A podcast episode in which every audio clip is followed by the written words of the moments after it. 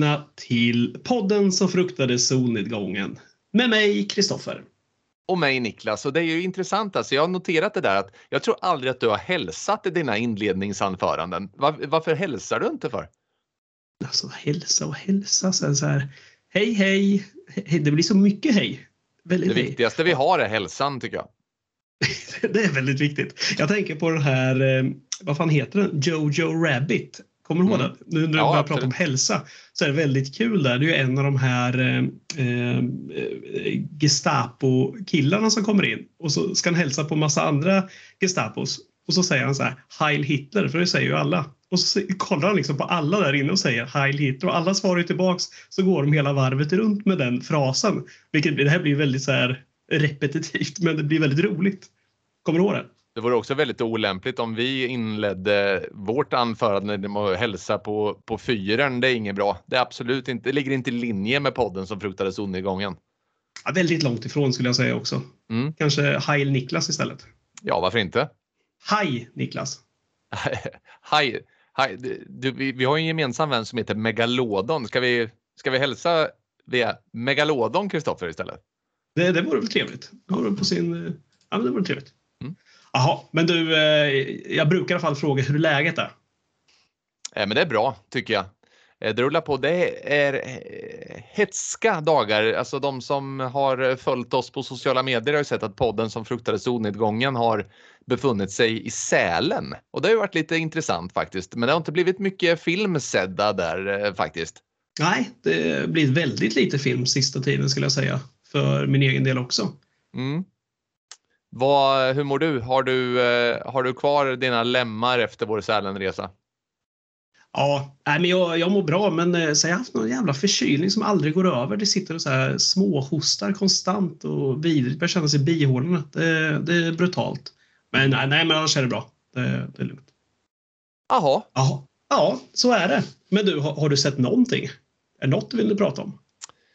Um, Ja, alltså nu i helgen som eh, sprang förbi så, så såg jag den här Smilé, en ny fransk skräckfilm som heter Smilé som handlar om ja, ett, ett eh, hånflin som följer efter eh, folk och vill dem illa. Det är alltså Smile jag sett och den här vet jag att du har sett också. Det var alltså inte Fröken Smilé, känsla för snö? Nej, Nej. fröken Smilä. Just det. Nej, jag har sett Smile har jag gjort och den ja. var väl, eh, jag tyckte den var rätt läskig. Sen är den ju en popcornskräckis utan eh, liksom, den kommer inte gå till historien. Den har ju kommer inte bevisa sig för historien Smile, men jag var underhållen där och då måste jag säga. Mm. Jag, jag var inte alls lika underhållen när jag såg den, men jag vet inte, jag kanske var på mitt sedvanliga dåliga humör när jag kollade på den. ja, det finns ju, Arg. Det finns ju någon så här tendens hos dig faktiskt har jag eh, lyckats eh, identifiera nu under vår tid tillsammans att du, det, du är ju det, det finns ju något så här svårmod som ligger rotat djupt i din själ som du gärna plockar fram för att såga den här typen av popcornskräckfilmer och då vill du gärna att det ska vara lite barnmisshandel och djurplågeri och för då, då, då tycker du bättre om det. Tycker jag. Tycker att, eh, men jag tycker om när, när det är så. Så vill jag ha det. ja, det vill du. Jaha. Ja, så är det. Men du, i så fall, då kör vi rakt på sak va? Ja, det är väl lika bra att komma igång och prata om den här filmen Without Warning som vi har sett till dagens avsnitt. Det här är ju inte någon Du har ju försett mig med så mycket gamla konstiga filmer så att jag har eh, liksom aldrig. De senaste avsnitten har ju varit fulla av de här konstiga filmerna. Ja, inte My Bloody Valentine kanske, men annars har du, har du liksom eh, öst över mig titlar som jag inte hört talas om. Mm. Det är kul. Alltså det mm. är väldigt roligt. Jag tycker det är kul att eh, podden har gått lite åt det här hållet också. Att eh, vi ser sånt här som, ja, men som har fallit i glömska som kanske ingen faktiskt har sett heller. Det, det blir mycket roligare på något sätt att ta de här stora. Ja, men hade vi kört Smile till exempel så hade väldigt många sett och tyckte det var kul säkert. Men jag vet inte fan om det är så mycket att prata om egentligen. Nej, eh, å andra sidan så kanske eh, vår eh, Ja, alltså grejen är ju när vi kör en gång i veckan så där, man hinner ju inte riktigt se så mycket som man vill och det man ser nu istället är eh, endast B-film. Så jag vet inte, jag vet inte liksom hur, hur min själ kommer må efter en tid. Det får vi se hur min själ kommer må, men den är lite hårt ansatt just nu måste jag säga. Då ska vi göra så här till nästa vecka ska vi faktiskt se en, eh, en större film då, kan vi väl säga. En ja, större men, film. Ja, vilken är det vi ska se? Ja, men vi säger väl till nästa vecka att vi ser Talk to me då. Ja, just det. Ja, men precis. Och väldigt kul också att jag får det låta som att, att Talk to me är eh, Oscars material. Det är det förmodligen inte. Men det kan vara skönt också ibland att varva med något lite fräschare även om det onekligen är kul att se de här gamla filmerna. Ja, så är det. Men du, då backar vi bandet, eller tiden till 1981. Vi, ska, eh, vi pratar Without Warning, som, eller förlåt, 1980 till och med tror jag va? Mm. Nu är jag så van att vi har sett eh, filmer från 1981 sista tiden, så att allt mm. är därifrån. Nej, 1980. Sju år innan Predator. Då ska vi alltså se eh, föregångaren kan man nästan säga, eller det var som stod för mycket av inspirationen för Predator.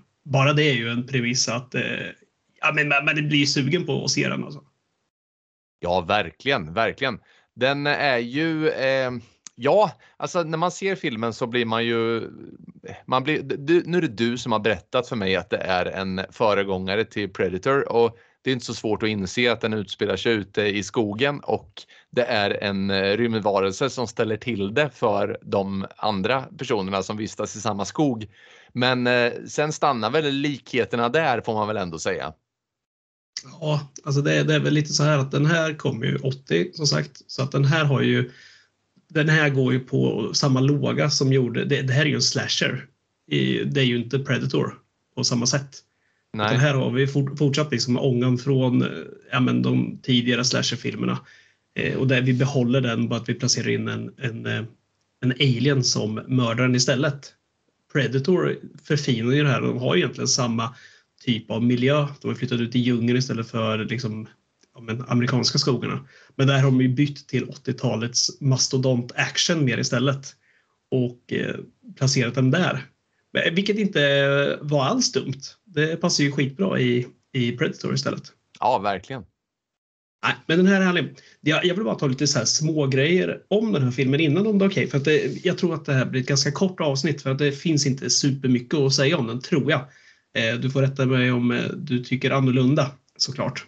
Mm. Men det är ju jäkligt coolt alltså. Det här är film eh, från 80-talet med en budget på 150 000 dollar. Det vill säga det är ju, alltså, det är ju en piss i havet. Jag såg någonstans att någon jämförde att 150 000 dollar då, det var antagligen inte ens vad som lades på Arnolds eh, steroider inför Predator. Och det kan väl nästan alla hålla med om. Kan jag tänka mig. Jag kan tänka mig att det var ungefär den kostnaden där.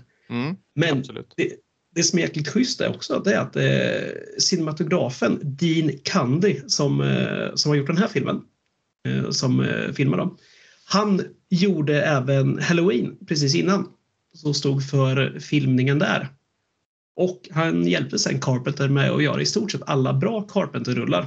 Och sen gick han vidare till alltså större produktioner som eh, men Tillbaka till framtiden, Jurassic Park, Apollo 13. Så där gillar man ju alltså att det, vi kommer ju komma in på det i den här filmen hittills, för det här är en B-film. Alltså den är ju så låg budget så det finns inte. Men man gillar någonstans att någon ändå har anlitat de här grabbarna och sen lyckats göra det jäkligt bra. Det är samma sak med Greg Canham som eh, har gjort eh, effekterna till den här. Han jobbade annars med Krypande hämnaren. Den har vi pratat om lite tidigare. Så The Melting Man. Gick vidare och gjorde The Howling, The Mask, Hannibal, Benjamin Button. Det här är ju dunder Hollywood-produktioner liksom.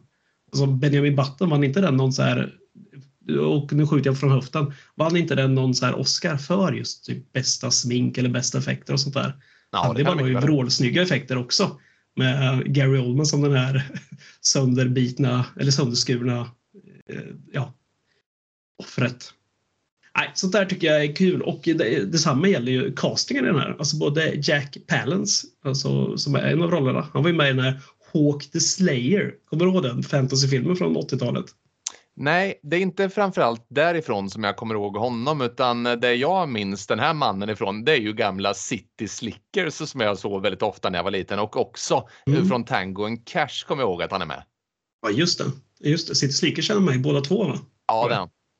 Ja. Sen Martin Landau med från, eh, alltså mest känd som Rolling Hand i Mission Impossible. Och eh, som du även har berättat nu i veckan, Ed Wood, Bella Lugosi där. Mm. Fantastisk skådis. Tror att han vann en Oscar för den rollen som Bella Lugosi faktiskt. Ja, förtjänt. Mm. Väldigt förtjänt. Väldigt bra Mm. där. David Caruso som är jätteung i den här filmen. Mm. Han var även med i Rambo. Han är en av snutarna på stationen. Två år senare är alltså han den snälla snuten i Rambo. Mm. Han är ju även med i Session 9 eller Asylum tror jag hade en alternativ titel. En bra skräckis, en av mina favoriter. Även eh, CSI då är ju med i CSI. Vilken är det? Är det Miami han är med i? Ja, Miami är Och- han med. Ja, Var det? Gary Sinise som var i New York va? Ja, det var. Den såg aldrig jag särskilt mycket av. Jag har aldrig gillat eh, CSI särskilt mycket. Det är för mycket Nej. halka på ett bananskal på en timme och sen hitta mördaren. Men, men. Ja, det är ju, det är ju så här. Det känns som att eh, Beck, alltså om sådana som kollar på Beck ska se någon annan serie så är det CSI lite grann. Ja, verkligen. Senast, på tal om Beck, så kom det upp någon så här flashnyhet precis här att den vann massa Os eller Oscars tänkte jag säga. Det, det gjorde den absolut inte. Men den fick massa priser nu senast. Där, så jag kan den hetat Beck Inferno eller liknande? Bara där så suckade jag lite och tänkte så här, ja, klart den gjorde det. Det Vad säger du nu? ute. Alltså Beck Inferno har vunnit massor Oscars. Eller vad, vad sa? Nej, inte? Oscars. Alltså den har fått massa andra priser, massa svenska priser. Jaha, jag vet inte ens vad de heter. Ja, säkert. Eh, Vilken del i ordning kan det vara? Beck nummer 65, 45, 55? Ja, garanterat. Det är säkert 50 plus i alla fall. Det är otäckt. Det är otäckt. Men, men. Skitsamma. Vi ska inte racka ner på Beck här. Det är så Nej, det. absolut. Men du. Sista likheten med, med Predator då. Den här Alien som eh, i den här filmen. Så Mm. den som spelar honom. Vem som spelar själva Alien? Nej, inte om han eh, är gravt missbildad. Jag misstänker att man inte ser vem det är. Nej, men då nämner jag istället. Det är alltså Ja. Kevin Peter Hall som spelar Alien här. Ah, Och det är namnet. Då eh, ringer det en klocka hos dig. ja, ja då, då är det ju Alien. ja, det är ju Alien från Predator, precis. Eh, ja, men precis. Jag tänker också att han är... Eh, nej, jag, frågan är... Nej, det är någon annan figur va, som spelar The Alien. Ja, det är en annan. Ja. Men han spelar även eh, i den här björnfilmen, alltså björnmonsterfilmen Prophecy, så spelar han alltså, ja, björnen. Han är björndräktsklädd. Exakt. Ja, Så det är rätt coolt.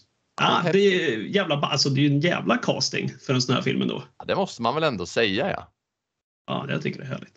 Mm. Jaha, men du, en liten, vill du dra en liten dragning om vad den handlar om? Jag kan... Eh, vill du att jag drar en limerick?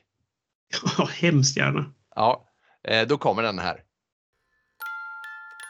Att jagas av en rymdvarelse blå är läskigare än ni kan förstå. Han kastar pannkaka som enorm skada kan orsaka och mördar till synes på måfå. Du, tack Niklas. Det är alltid, du är väldigt duktig på att få till den där rimmen tycker jag. Det är eh, otroligt alltså. Ja, detsamma. Det är allt vi har nu mer. Ja, det är ju det. Det, det, alltså, Det är den här podden, den ja, precis. Den här podden görs ju på, på, det, på, på limrikar och byggd. är det. ja, och det kunde varit sämre. Ja, för de som inte förstår det, men vi har ju varit på konferens och vi har spelat Yatzy säkert 50 gånger där, du och jag. Ja, det har vi Vi gjort. spenderar ju 14 timmar i buss tillsammans. Och Då, ja, vi har pratat så mycket med varandra så vi behövde tystnaden och Yatzy där. Tärningarna talar. Väldigt kul också att vi förställde våra röster och pratade med en mörk tillgjord röst medan vi spelade Yatzy. Det var också väldigt märkligt att vi satt där. Sen när jag skulle börja prata som vanligt igen så hade jag nästan glömt hur, hur man gör. Ja, jag är nu väldigt, väldigt besatt av tärning i spel också. Spelat Ja, väldigt mycket spela pengar sista dobbel i det. Ja, ja, men så är det. Mm. Jag var vrålhungrig där under den där resan och jag, jag är vrålhungrig nu också as we speak här och ska göra det här avsnittet. Ska se om Mm. jag tar mig igenom det här. Väldigt, väldigt hungrig skulle ha någonting här. Men du, tack för eh, limericken i vilket fall. Här. Vi, ska, vi ska prata lite kort om vad filmen handlar om då. Vi har ju fyra ungdomar som ska iväg och kampa. Mm. Det är väl enkelt sagt. Vi har sett att eh, en jägare och hans son har blivit attackerade av, ja, vad har de blivit attackerade av? Jag skulle säga att de blir attackerade av någon slags pannkaka. ja, alltså, ja men precis. Vi får väl nästan, vi kan väl gå in för det är ju en del utav hotet det här. Det här är ju, det finns ju en main eh, rymdvarelse och sen har han de här medhjälparna som är kanske lite lätt inspirerade utav de här facehuggersarna i Alien.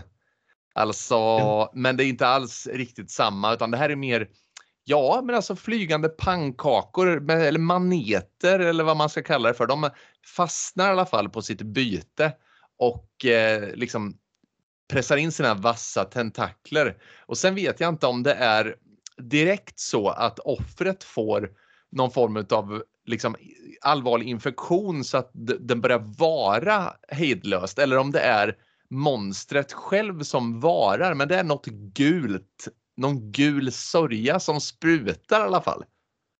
Ja, jag undrar också om det är något gift som pumpas in som sagt. Eller inte. Mm. Det får vi aldrig riktigt veta tror jag. Nej. Utan det, det, ja, spännande. Men eh, det är rätt kul när de där kommer kastandes, eller flygandes. Gör de ju. Mm. Så är det ja. så här, de har ju verkligen tagit det man mest förknippar med ett alien-ljud. Du vet något så här låter ungefär ja. när de kommer flygande där som någon slags ja. här frisbee. Det slår mig att vi kastade ju frisbee på konferensen här ute i minus 29 grader. Mm. Skulle du säga att det är lätt att kasta? Skulle du, alltså han kastar ju de här med otrolig precision. Ja, verkligen. Nej, eh, som svar på det så skulle jag säga att jag drabbades av en liten lättare hybris där ute i, i 20 minus som sagt var. Eh, jag ställde mig alldeles för långt ifrån målet och kastade och eh, kastade så illa att den som ledde den här lilla tävlingen höll på att få min frisbee i huvudet, vilket i sig var väldigt kul. ja, du kanske skulle göra bra som en sån här alienjägare. Absolut. Ja, Nej, men där har vi det. De här pannkakorna som eh, också andas, som ser ut som facehuggers, det är de som eh, nej, men de kommer skörda många offer i denna film. Mm. Så är det. Ungdomarna då? Eh, ungdomarna, eh, vad har vi där? Det, vad heter de? De heter eh, Tom och Greg och Beth och Sandy. Jajamän, precis. Och där har vi ju David Caruso som, ja, men som Tom. Då. Det är väl mm. han som har dragit ihop den här lilla, ja, men lilla trippen mm. ut på landet. Och han är ju tillsammans med Beth. Mm. Och sen jag antar jag, jag vet inte om vi får reda på det, men jag antar att Greg och Sandy de är, ja, men de är vänner som hakar på. Ja, men precis. Och de, alltså, det är ju också den, alla de här klassiska attributen för den här typen av film. De stöter ju ganska snabbt på någon sån här mackinehavares eh, figur. Det är ju då Jack Pallen som spelar den här Joe Taylor som varnar dem för, för att åka vidare ut i skogen där. Så att eh, det där har man sett förr. Det har man. Det är ju med i, i stort sett varenda rulla. Så tar man någon så här backa bandet lite grann. Alltså, Hills of Ice kommer ju upp direkt i skallen där med den här bensinmacken och han som varnar dem där. Vi har ju Motorsågsmassakern på ja. ett sätt och inte riktigt kanske samma där men då har vi den här som hoppar in i bussen istället. Ja, det är liksom alltid träffar den här. Ja, Pappi Nyqvist, absolut. Från den 13. Alltså det är många av de här filmerna där de ska ut någonstans där de inte bör vara och där de skiter i lokalbefolkningens varningar. Det är klassiskt. Ja, det är klassiskt, men just också att det här, den här lokalbefolkningen, alltså just den enskilda individen också är en riktig kuf på något sätt. Alltså det är inte, mm tycker ofta den har eh, lätt eh, med vokabuläret och så vidare, så här, kan uttrycka sig på korrekta sätt eller bara har en så här stirrig blick. Alltså de ser ju alltid ut som tagna från Hall eller liknande. Nej, men i det här fallet så är det ju så att det är ju inte bara så att den här personen, alltså Joe Taylor här, han kommer ju att liksom spela en ganska stor roll för uppgörelsen eller slutfighten sen. Där han är väldigt normal och hjältemodig. Men så här initialt så är han ju sinnessjuk, vilket är märkligt. Ja, de har lite svårt att få betala för sin bensin där på macken. Det, ja. Nej, det är märkligt. Väldigt mm. märkligt. Men ut ska det. Ut och kampas. Och om vi har ungdomar på 80-talet ute på landet tillsammans i en liten, ja, men en liten så här folkabuss. Då finns det en sak som står på schemat. Det finns ju bärs, men eh, det är sekundärt. För att det största uppdraget man har är att nå bas 3 så snabbt som möjligt. Och eh, ja, vi hinner liksom inte ens gå ut riktigt och kolla på miljön här innan, eh, ja, men innan David Caruso, alltså Tom och Beth försvinner där De badar lite och de når väl bas 2 där i vattnet. Sen försvinner de till de, deras kompisars stora förtret. Yes. Då är de borta. Det är så det det brukar gå till där. Ja men verkligen och det är lite kul över man tänker ju lätt då att David Caruso är någon slags stjärna. Det är han ju inte vid det här laget och det är också därför som vi aldrig får se honom igen. Nej, han- är borta. ja och då menar Ja. vi borta för gott. Ja, nu har inte jag ens koll på den här andra, han eh, som eh, spelar eh, Greg här. B- Vad det är för stjärna. Jag tror inte han gjorde särskilt mycket mer, men han ser ut som någon så här... Han- Han är ju klädd i stort sett som, eh, som Marty McFly från Tillbaka till framtiden. Ser nästan identisk ut i den här västen. Någon Mm. Jag läser lite om honom nu. Eh, han verkar vara lite stuntman framförallt och då har Mm. han varit med i någon så här Sandra Bullock eh, produktion och någon Robocop 3 och lite här så att det kanske var där han landade istället. Ja, ja det är så ser det. Han ser ändå ut som en sån här typisk eh, tonårskille från den här tiden. Mm. Eller hur? Alltså utseendet måste han ju haft med sig. Ja, det tror jag säkert. Ja. Nej, det var tråkigt att man inte såg han med. Nej, men eh, Greg Sandy, det är de som blir kvar där, går och letar och letar. Och som sagt, jag tror inte att de här har någon, något förhållande sedan tidigare heller.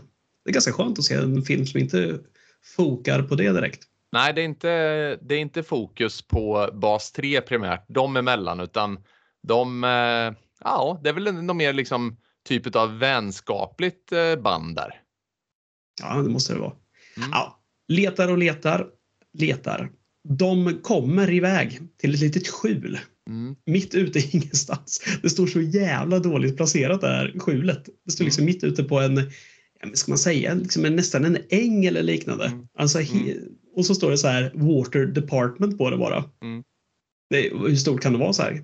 Två gånger två meter? Ja. Men det ligger så jävla tarvligt till alltså. Där, Mm. Och där gås det ju in och så se, hänger det, ja, här inne är ju hela troféboden får vi väl kalla det. ja, det är far och son från filmens inledningsscen och det är, det är Tom och det är eh, eh, Beth Mm. och, och, och även den här scoutledaren hänger väl där.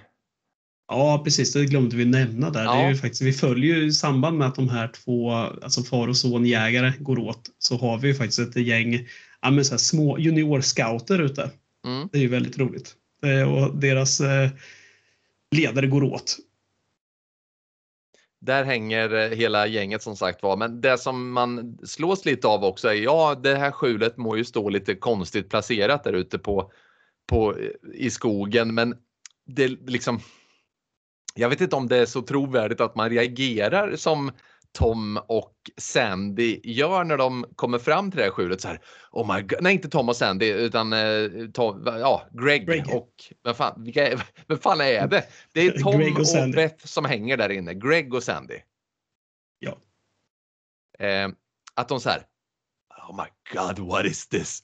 Alltså när de ser ett skjul och de blir helt tagna av det skjulet. Det hade man väl inte blivit direkt. En sak att man blir tagen och chockad man öppnar skjulet för det som väntar där inne är ju groteskt såklart. För det är ju liksom utsugna hjärnor och var och blod och håligheter i ögon och huvud och så vidare. Men utifrån ser ju inte skjulet särskilt skrämmande ut. Men ändå så blir Greg och Sandy så här. Oh my God. Det känns märkligt. Ja, det känns väldigt märkligt där. Ja. Och de får ju panik och givetvis ska fly härifrån också. Mm. Det, det känns också som så här, eh, den där reaktionen, alltså det dröjer lite. De, det, det har ju den här filmen väldigt, jag skrattade mycket åt det tyckte jag. Jag tyckte det, alla de här flyktförsöken är ganska tafatta. Så här. De springer liksom ut och så här, stannar upp, tittar sig omkring lite och sen så här, sätter fart åt något håll med så här stillastående kamera också. Det ser jävligt dumt ut bara. Tänkte du på det? Ja, verkligen. Mycket märkligt. Ja, men de sticker ju vidare. Sticker till den här... eller, Ja, sin bil har de där som är lite så här svårstartad helt plötsligt. För det är ju ofta när man blir Ja, jagad. det är ofta motorproblem i de här lägena. Ja. Men där kommer den sen. Pannkakan! Mm. Det, det skrattar man ju åt. Det är ju roligt alltså. Det är ju den där eh, alltså facehuggern sätter sig på fönstret. Det tycker jag är ganska schysst scen ändå. Ja, jag gillar, jag gillar den där. Ja, och så har den ju så här... Ja, men den har ju liksom inget liv mer än att den har den här pulserande liksom. Så den har som någon slags liten mun så här med CP, förlåt, CP-långa tänder tänkte jag säga. Bra vokabulär var Ja. Nej, men det har så här jättelånga tänder och så sitter den där så här och klickar mot rutan. Det är ganska obehagligt ändå, så här pulserande där. Mm. Det gillar jag. Ja, och verkligen. det är omöjligt att givetvis starta bilen. och den här, den här, vad hette hon sa vi? Sandy, hette hon så? Mm. Ja. Jag gillar ju att hon sitter där i liksom passagerarsätet och bara så här Greg, do something! Som Mm. att det, liksom, det är bara på han nu så här, att få igång den där bilen och ta bort det där och göra någonting. Dörren Ja, håller på att öppnas Ja, precis. Hon förvandlas, ju, hon förvandlas ju till det här Ja, men då blir det det här klassiska också för slasherfilmer ganska typiska våpet då. Eh, Mm. så helt så här tafatt och, och Greg ska lösa dagen så här. Men utifrån hur filmen kommer att ändras sen. Eh, då, då det faktiskt blir lite eh, hjälteroll för henne. Om hon då går tillbaka eh, till den här situationen där hon sitter som ett hjälplöst våp i bilen, då är det mycket möjligt att hon skulle kunna få skamkänslor. Eh, och så här tycker jag du ska tänka när du får skamkänslor. Eh, försök först att stå ut med känslan.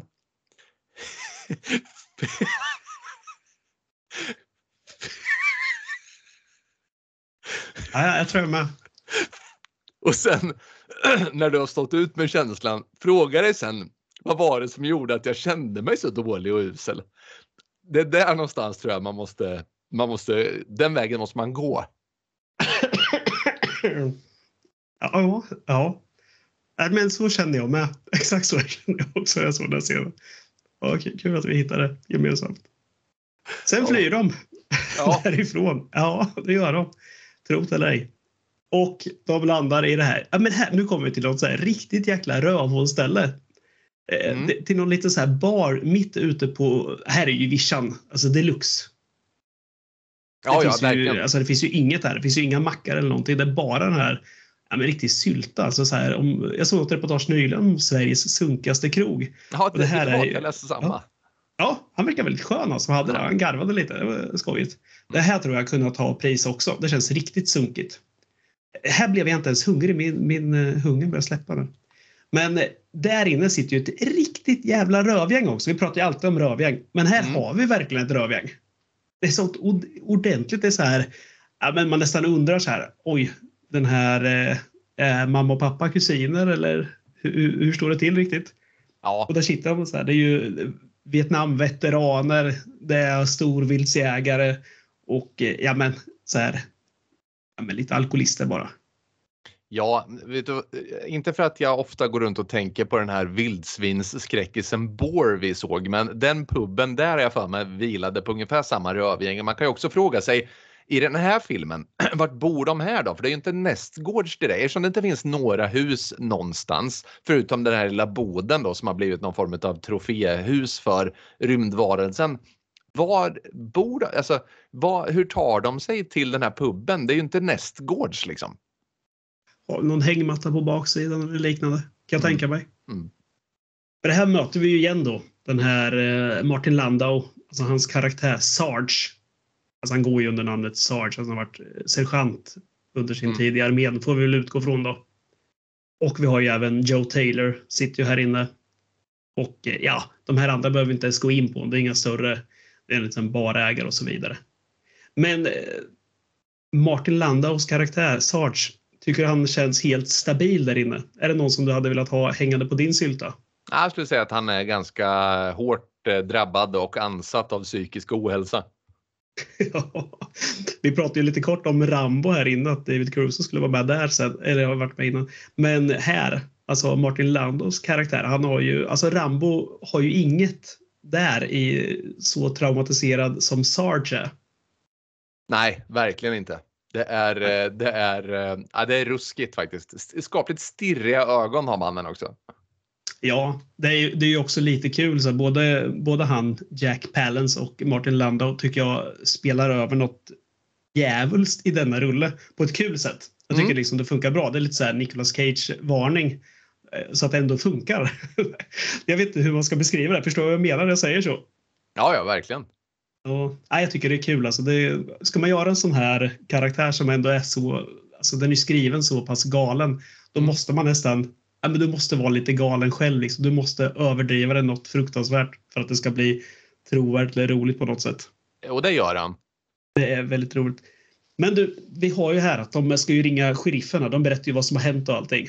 Och här blir han skogstokig den här Lando när sheriffen väl anländer. Ja, Sarge knäpper honom ju. ja, från ingenstans också. Ja, ja visst. Vi hör ju han berätta lite så här, han, när de berättar den här historien så är han ju lite så här, så här I told you all about it. Those things in the woods. Så här, då är han ju igång där. Man vet ju inte riktigt vad han menar om han är kvar i Vietnam här eller om han har sett aliens själv eller vad som har hänt riktigt. Men vi fattar ju att han har sett någonting i alla fall. Mm. Jag tänker lite på den här, nu har jag tappat namnet på honom, men du vet ehm, i filmen Independence Day. Mm. Eh, Pappan så, back!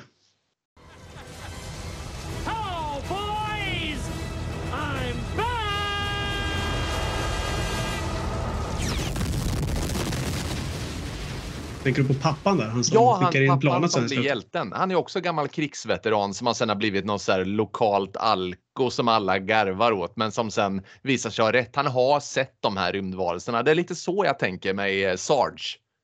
Ja, det är nog inte helt olikt. Bra, bra tänkt. Ja, alltså, ja, det är så dumt ändå att de bara skjuter ner honom där och sen, ja, men sen blir han ju kvar där. Liksom, ja, men han blir, alltså, vad ska man säga, civil arrest blir det ju där. Liksom, så här, Mm. De håller ju kvar honom där på baren medan de andra flyr iväg igen då. Ja. Det, det, sen blir det ju, nu börjar vi närma oss liksom, här tänkte jag så här, men nu har vi slutet på filmen. För nu går det Mm. väldigt fort. Alltså den, den här filmen är skitrak. Det bara plöjer ju på. Det är ju härligt. Ja, visst. Men vi, det blir ju väldigt kul där. Jag hoppar lite här, men vi kommer ju till ett hus här. De flyr ju iväg. Eh, Vill du tillägga något däremellan förresten? Jag tror inte jag missar något större. Nej, jag tror nog att eh, du, du, det är inte så att vi har inte missat något så här gränslöst viktigt direkt. Nej, jag, min hunger gör att jag måste gå vidare här. Mm. Och det, det här hittar vi ett hus. Det kanske är de här husen som du pratade om, där de bor. De här, när de inte hänger på syltan. Ja, i och för sig. Ja. Ett sånt där, I alla såna här skräckfilmer när man är ute på vision så finns det ju alltid ett hus. Vi har sett det i Alone. Vi har sett det i många såna här andra filmer att det liksom, man slår in dörren och där inne finns det ju ja, men det finns mat, det finns lite värme och så vidare. En, Ja, en, ett safe ha- haven såklart liksom, som man Mm. bara kan sticka in på. Och det, här är det ju jag, jag gillar den här biten just att det blir så dumt där. De har ju sett sina bästa vänner sen livet tillbaka bli mördade eller upphängda. De har inte sett dem bli mördade, de har bara sett dem döda. Mm. Och ändå så här, när de ska in där i det här huset så ja, men det är en liten katt som hoppar förbi. Och så, så här, garvar de verkligen åt det direkt efteråt. Så här. De är jagade och allting, men ändå kostar de på sig att garva lite där. Det är härligt tycker jag. ja, verkligen. Kul för, kul för övrigt det här skriket på katten. Tänkte du på det? Eh, nej. Det lät inte så här, utan det lät så här. Alltså, Okej, ja, men så har jag ofta hört katter låta när de hoppar förbi. Så här. Nej, Det var så jävla panik där. Och sen blir det så lite slapstick där han ska gå och slå eh, huvudet i lampan där inne när det är mörkt också. Allting här känns bara dumt. Ja, det är väldigt konstigt. En väldigt konstigt parti i filmen där. Ja, här trodde man att de skulle dra på något så riktigt krystat också, att de skulle bli ett par där. För hon tar ju fram Mm. någon sån här liten, litet halsband där. Hon börjar prata om men jag fick det här av Beth på min nioårsdag och jag har haft med mig det ända sedan dess. Och han står där med någon slags så här, ja, så här riktig sug i blicken och man tänker sig, ja, det här var vad som behövdes. Nu kommer bas 3 igen. I alla Ja, fall visst. tuttar. Men nej, inget sånt heller. Trots 80-tal, inga tuttar. Utan istället så här, men jag går och gör kaffe istället. Han var inte Mm. alls sugen på bas 3 tydligen. Utan han Nej. gör så här tio koppar kaffe istället och sätter sig i en stol där och ska hålla vakt. Det är ju gentlemannamässigt. Ja, det måste man säga. Det är ju härligt uppfriskande med någon som tar celibatet på allvar så här i den här typen av eh, genre. Liksom. Ja, mer eh, celibat på allvar i såna här filmer. Ja, Eller... Nej. Nej, det är, det är väldigt kul. Hon vaknar i alla fall 10 000 gånger under den här natten av minsta lilla grej och skriker på Greg. Mm. Det, det blev jag väldigt irriterad över. Mm. Otroligt ofta hon skulle vakna där. Va- Vaknar oftare än mina barn som är två tre år gamla. på natten. sover väldigt lätt. väldigt. eh, De blir ju eh, rädd för någon präriehund och så vidare. Där. Och han sitter och vippar i sig mer kaffe hela tiden. Men sen blir, det, sen blir det faktiskt lite så här kul tycker jag. Han sitter ju med ryggen där i den här skinnfåtöljen liksom Mm. mot henne. Och hon vaknar där hon har hört något nytt ljud. och går in. Och det är ju så här klassisk eh, grej. Det har vi sett i varenda skräckfilm där man ser liksom så här, ja men du ska gå fram till någon som du tror väntar på dig eller sitter och liksom ligger och sover eller bara sitter ner. Du ser inte ansiktet på den och du liksom kommer fram, snurrar stolen eller går runt och du möts av ett ansikte som är liksom förvridet i plågor. Mm. Och där, där sitter han med en stor sats pannkaka på kinden. Ja, de här jävla pannkakorna som breder ut sig i, i dalen här. Ja, verkligen. Det, det, det, det, de är, men de är jävligt coola. Alltså. Jag gillar ju det så här. Jag, om det är något jag gillar med de här gamla filmerna, det är ju praktiska effekter. Vi kan inte säga nog ofta. Men det är också det här slasket, alltså det här eh, Ja, men det här slimet som du pratar om, det ser ut som, som var som pumpar där och är liksom Mm. så här, ja, men du vet, det blir lite så här body horror-aktigt hela tiden. När det är mycket så här vätskor och mycket så här köttsaft tänkte jag säga. Så här. Och det, det ser så jävla äckligt ut bara ofta. Ja. Det, Jag gillar det verkligen den biten. Ja men verkligen, det får mig också så här tänka lite på de här. Vi såg ju några gamla så här italienska riktiga så här eh, as till filmer, de här Fulci-filmerna vi såg. Mm. Där det var väldigt mycket av de här praktiska gore-effekterna. Det, alltså, ja, det kanske inte är inte riktigt samma fokus på det, men det är ändå någonting så här, när det det är ändå närbilder på när de här tentaklerna tränger in i huden och du vet så här förpassar huden åt sidan och såna här grejer. Och sen väller det ut någon så här gul sörja. Det, då doftar det lite av Fulci måste jag säga. Ja, det gör det. Det. Och det är ju snyggt alltså när du har en budget på 150 papp och ändå har de här effekterna tycker jag det är snyggt alltså. Mm. Det är ju det är simpla effekter, men Mm. eh, man ska aldrig underskatta det.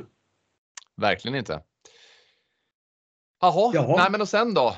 Eh, vägarna leder tillbaka till eh, slaktboden eller jag på att säga. Ja, nästan. Vi är, vi är ju kvar här inne i Mm. den här stugan där. För det är ju här det blir, alltså, vi får ju en home invasion lite här. Vi, Mm. Hon hittar Greg som sagt, han är mer eller mindre död, död-ish. Och eh, hon flyr ju för att det börjar ju torna upp sig en stor skugga här utanför. Ja, just det. Han börjar slita i plankor och skit där. Ja, och vi ser den här, ja men vad är det? Är det en blå hand som kommer in liksom? Man ser att den är så här smal, äcklig, lång, långa fingrar och allting. Mm. Och det, är ju, det, det är väl då vi får första titeln egentligen, alltså första visningen på den här Alien-killen. Vi, ser, vi har ju sett han smyga omkring i buskarna någon gång innan där. De Mm. har inte riktigt sett liksom. Där, utan det, det ser ut som en ding-ding-värld, de fotona ungefär. Ja, men precis. Så han har tornat upp sig utan att vi har fått sett honom när de här stackars eh, pojkscouterna får fly ut i skogen där. Men här får vi lite skymtar av honom i alla fall när han sliter loss plankor och hans eh, långa hand som sagt var där. eh, Ja, är i bild.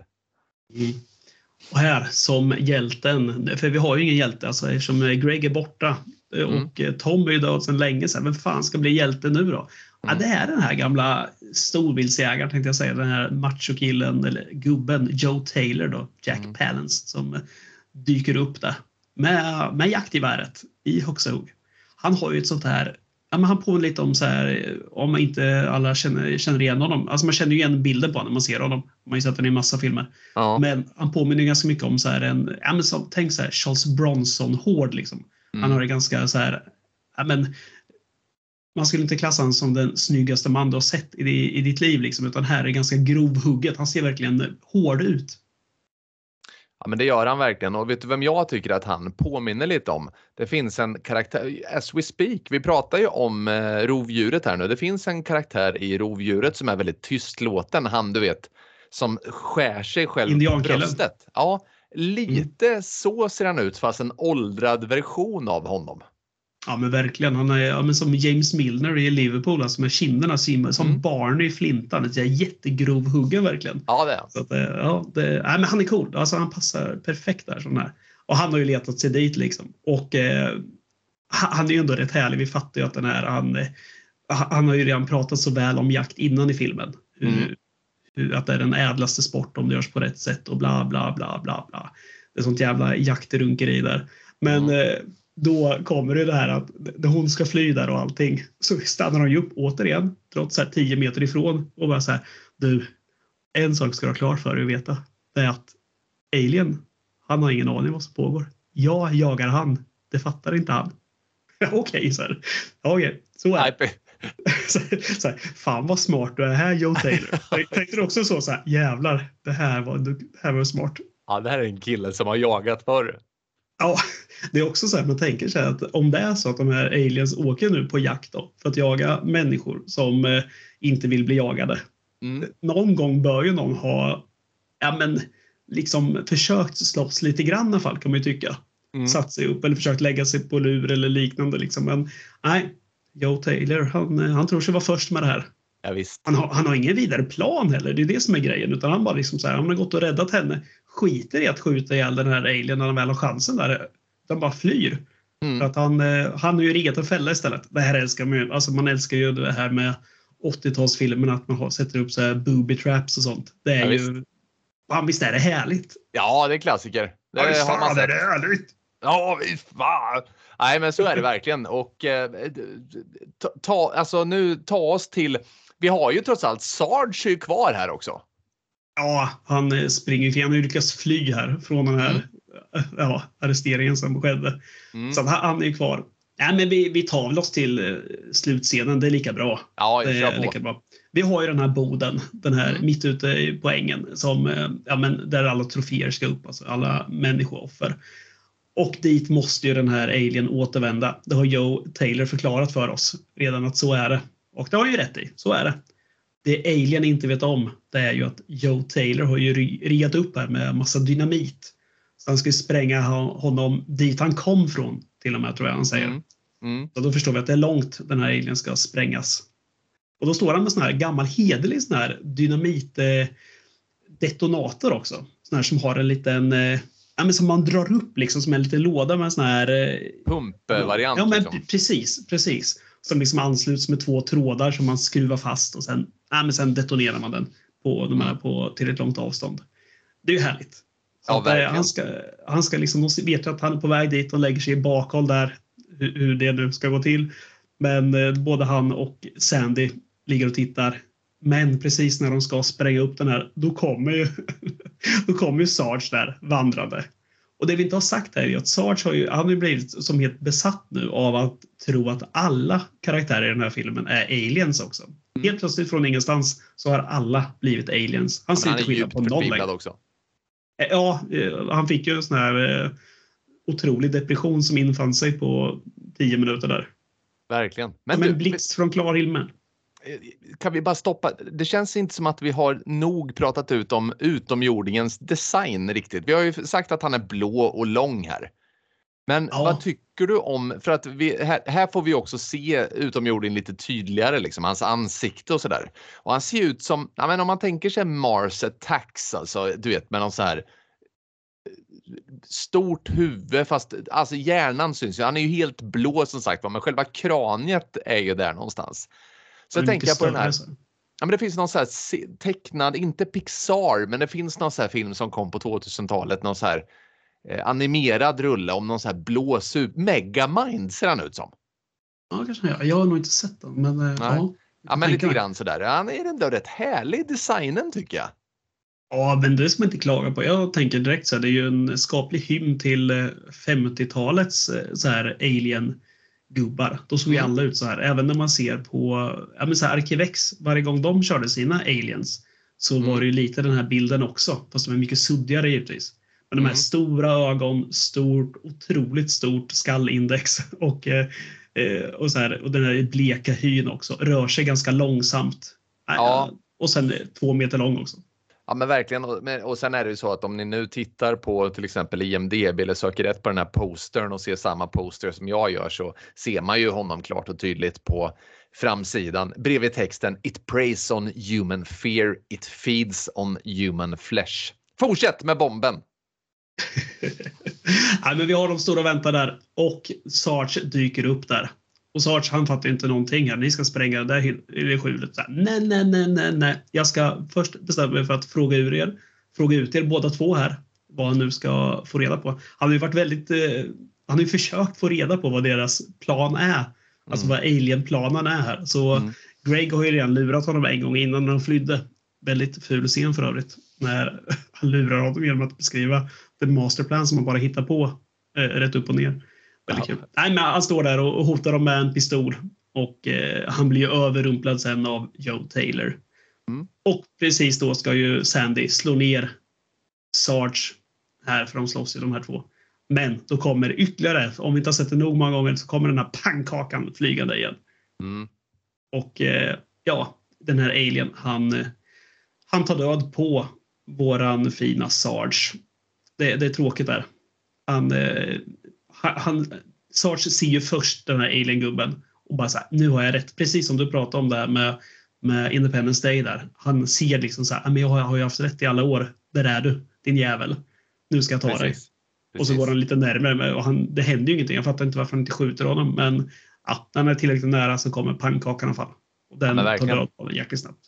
Och är det någonting som du kan säga så är det ju liksom att eh, ja, pannkakor i all ära, det har ju ändå något. De kletar sig fast liksom. Han kunde ju ha kastat äpplen också den här rymdvarelsen. Ja, ja så är det ju. Och på tala om det, alltså, så hungrig jag är där efter att ha sett den här utan varning. Alltså, då, då måste jag säga det klart och tydligt. Alltså, att varningar de ska aldrig någonsin ersätta frukten äpple. För så hungrig är jag nu. Det ska aldrig ske igen. Nej, nej precis. Varningen ersätter inte äpple och äpple ersätter inte pannkaka helt enkelt. Så är det. Det är en Ja. sak vi kan slå fast här. Ja, Nej, men vi får ju när även den här Jack, eller Jack, eller Joe Taylor, han eh, nu gör han det som han har väntat på hela tiden. Han sitter ju där med ett så här perfekt eh, jaktgevär med ett eh, kikarsikte på. Man har ju undrat hela tiden varför skjuter du inte bara den där? Han ser inte Mm. ut att ha särskilt eh, hårt skinn den här utomjordingen. Det ser ut att vara, han ser ut att vara ganska svag egentligen. nej, precis. Ja, men äntligen skjuter han honom och då får vi ytterligare lite sån här härlig sörja som bara väller ut när kulan Mm. går igenom hans kropp där. Men eh, så, så tittar han bara på dem. Alltså alien tittar upp på dem och sen sätter sitt finger lite så här i en svepande rörelse över så och ja, ser ut som man bara stillar flödet. Det liksom händer inget mer. Nej, Det gillar jag. Det, är Ja, så ja, det visar hur hård han är. Det är liksom, så där är det ju ofta i Alien också. Eller förlåt, i, eh, i Predator menar jag. ja, Att eh, rovdjuret får en liten skråma så här. Han, han bränner sig själv eller syr sig själv eller liknande. Du vet. Det är så här, ett litet skrubbsår bara. Det är inget mer. Nej men verkligen. Men den här rymdvarelsen har ju helt annan, alltså, rymd, alltså eh, The Predator måste ju ändå lida lite när han ska sy ihop sig själv och hela sig själv. Den här rymdvarelsen behöver ju inte göra, alltså det kostar inte på så mycket att göra den här regenererande rörelsen för honom. Nej, så är det.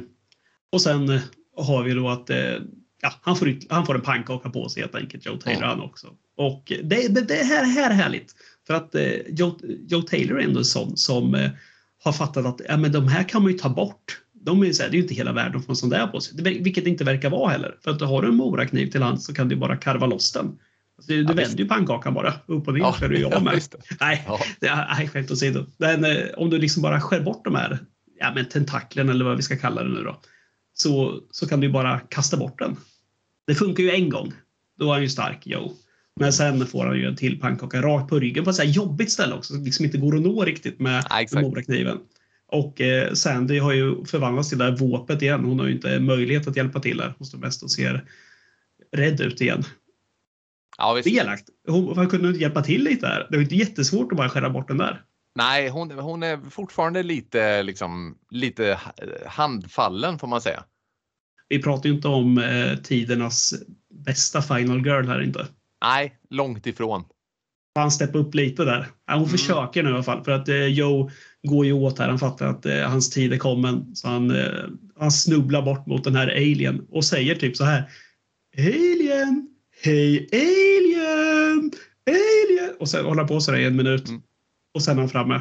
Och då trycker hon ner detonatorn och spränger skiten ur dem. Också väldigt kul när han joggar förbi rymdvarelsen. Han ser ut som att han springer förbi rymdvarelsen med en meters håll ungefär också. Det är inte särskilt så långt säkerhetsavstånd han håller.